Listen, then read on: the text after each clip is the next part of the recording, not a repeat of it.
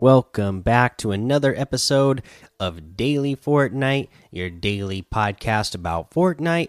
I'm your host, Mikey, aka Mike Daddy, aka Magnificent Mikey. At the time of, of this recording, there are seven days, 20 hours, 50 minutes, and 45 seconds left to go before our big Nexus War uh, event where Galactus arrives. Again, that's December 1st at 4 p.m. Eastern. So, uh, you know, just prepare for that. Should be a crazy event, I think. Uh, let's see here. Uh, not a lot of news today, but we do have the close encounters added into the LTM. This is duos, and then we have tank battle back as well. This is uh, set as squads. Uh, let's see here. We got you know another uh, creative map that is being spotlighted in here now as well. The Money Wars. Uh, let's see here what it says about this. The creative showcase is a playlist for popular okay this is, it doesn't tell you anything about this particular game mode. It just tells you what uh what this you know that this creative spot is highlighting a creative map. Uh but anyways money wars is what the the creative map that is featured right now. So you can get in there and uh, check that out. Uh, let's see here other than that, yeah, not a lot of news. But here's one of the challenges I wanted to mention uh, for getting these XP extravaganza challenges done. Now, uh, one of the challenges you need to uh, defeat, you know, either Stark robots, gatherers, or gorgers, right? And it it does a tier. Uh, for those, you know, you start out at 10, and then I can't remember how many it goes to once you get all the steps done. But to get that done, uh, I think the best way to get it done is to go where the gorgers are uh, because they spit out the gatherers. And uh, you can just keep shooting those gatherers and uh, taking those out and then the main gorger uh, spits out more of those gatherers. So you can just keep eliminating those until you have as many as you need for whatever tier or whatever step you're on in the challenge that's what I did. It made it super easy and super fast. And a lot of the time, uh, uh, where the gorgers are, they're usually not in locations where there's a lot of other people. Uh, let's see here. You know, that being said, I should have brought up a map uh, and had that ready, uh, saying where all the gorgers are. But um, I don't, but I can say off the top of my head, I know there's one that spawns by Salty Springs.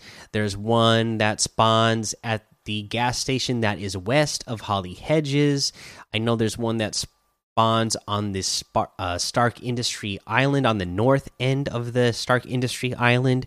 So those are three locations that I can think of off the top of my head where those spawn. Uh, and again, just take out those small uh, ones as the big one keeps spitting out more of them until you have them done uh, as you need them. All right, let's go ahead and take a break here. All right, let's take a look at today's item shop, which, of course, you already know it has all those awesome Marvel items, including the Venom outfit. Uh, and then in the rest of the item shop, we have the Bao Bros outfit with the Bao Basket backbling for 1,500. I love that this one has four uh, four selectable styles. Always been a fan of that. We have the the the Facet outfit with the geode back bling for 1200 the slurp wrap for 700 the sizzling emote for 800 the finger wag emote for 200 and the jamboree emote for 500 we also have the new Turns outfit with the Hollow Horn backbling. So Turns, the spirit of the forest, and Hollow Horn backbling pitch perfect. Uh, let's see here. This is part of the changing season set. This is 1,500. Uh, this guy, I don't know how to explain him, but I know I know his character. Anyways, he's part of the changing season set. So uh, he's got on a, a hat with a candle on it. He's got a brown clothing on, you know, to look like the changing of the seasons at fall time. Looks pretty cool. Uh, actually, a big fan of this. Uh, we also have the Bark Basher harvesting tool infused with the mystical power of the forest, 800 V bucks. Uh, the Autumn Queen, which which we have had before with the Autumn's Mantle backbling for 1,200, and I'm a big fan of this one as well, actually. Uh, the Smash Rooms harvesting tool for 800 V bucks. These are just absolutely lovely.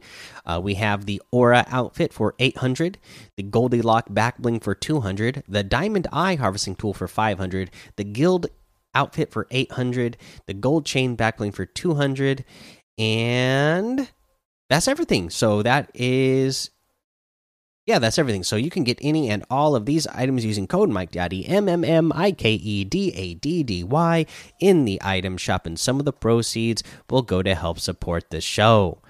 All right, my tip of the day. All right, do you know somebody that you live with that doesn't play Fortnite? Obviously, you don't want to go out places or invite uh, people over right now because of COVID, but uh, I experienced uh, somebody actually playing. I, I've had my wife play Fortnite before just to help me uh, when I needed another entrant for something. Uh, for a tournament or something that you you know like recently when we had the Nexus War or the Marvel Cup uh, tournaments that way I could just sign in real quick log in and get in there just to say that I played a match so I could get that free glider, which I already got. Uh, but to actually sit down and watch somebody play that hasn't played before is fantastic. And this is, this is a tip if you're ever feeling in a situation where because the game has been out for quite a long time now. So if you're ever feeling in a situation where you're like, "Hey, I'm getting bored of the game, everything is starting to feel the same," go watch a player who doesn't play. Like if you have a wife or a husband or a mom or a dad or a brother or a sister or a boyfriend or a girlfriend who doesn't play Fortnite uh, and you play all the time so you're good at it, watch somebody who doesn't play or doesn't know how to play because it's fantastic and it will bring you back to the old days uh, back when Fortnite first uh, started. If you've been playing that long, like like I have, and I know a lot of you have you can go back that far and then remember just what it was like uh, yourself to uh, play when you didn't know what was going on nobody else playing knew how to do anything. It makes it really fun and it just kind of kind of reinvigorates your uh, love for the game. Like oh yeah like this game is really great especially when uh, you are uh, you know watching people that really don't know what's going on. Uh, especially if you let them play for a while. Like I had my wife play for a couple hours, and I watched her at the end of it, and uh, she was starting to get really into it, and it you know made you kind of feel like, oh wow, this is like yeah, it makes you remember that.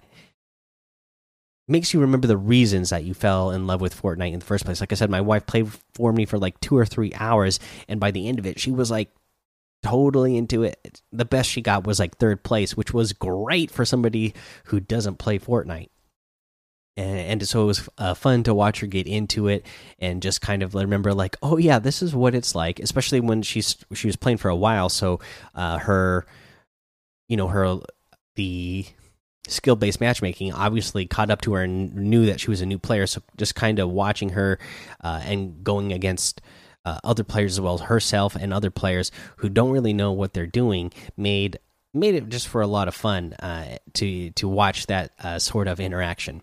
Uh, but anyways, try it out. Uh, I, it might uh, bring back uh, some of the joy if you're ever feeling like you're in that grind where you're you're hitting in a stale place. Go go watch some people who don't know what they're doing. All right, guys, that's the episode for today. Go join the daily Fortnite Discord and hang out with us. Follow me over on Twitch, Twitter, and YouTube. It's Mike Daddy on all of those. Again, you know, we're get, getting close to a thousand episodes, so make sure you send in some voice messages so I can add those in for that thousandth episode. And head over to Apple Podcasts, leave a five star rating and a written review for a shout out on the show. Make sure you subscribe so you don't miss an episode. And until next time, have fun, be safe, and don't get lost in the storm.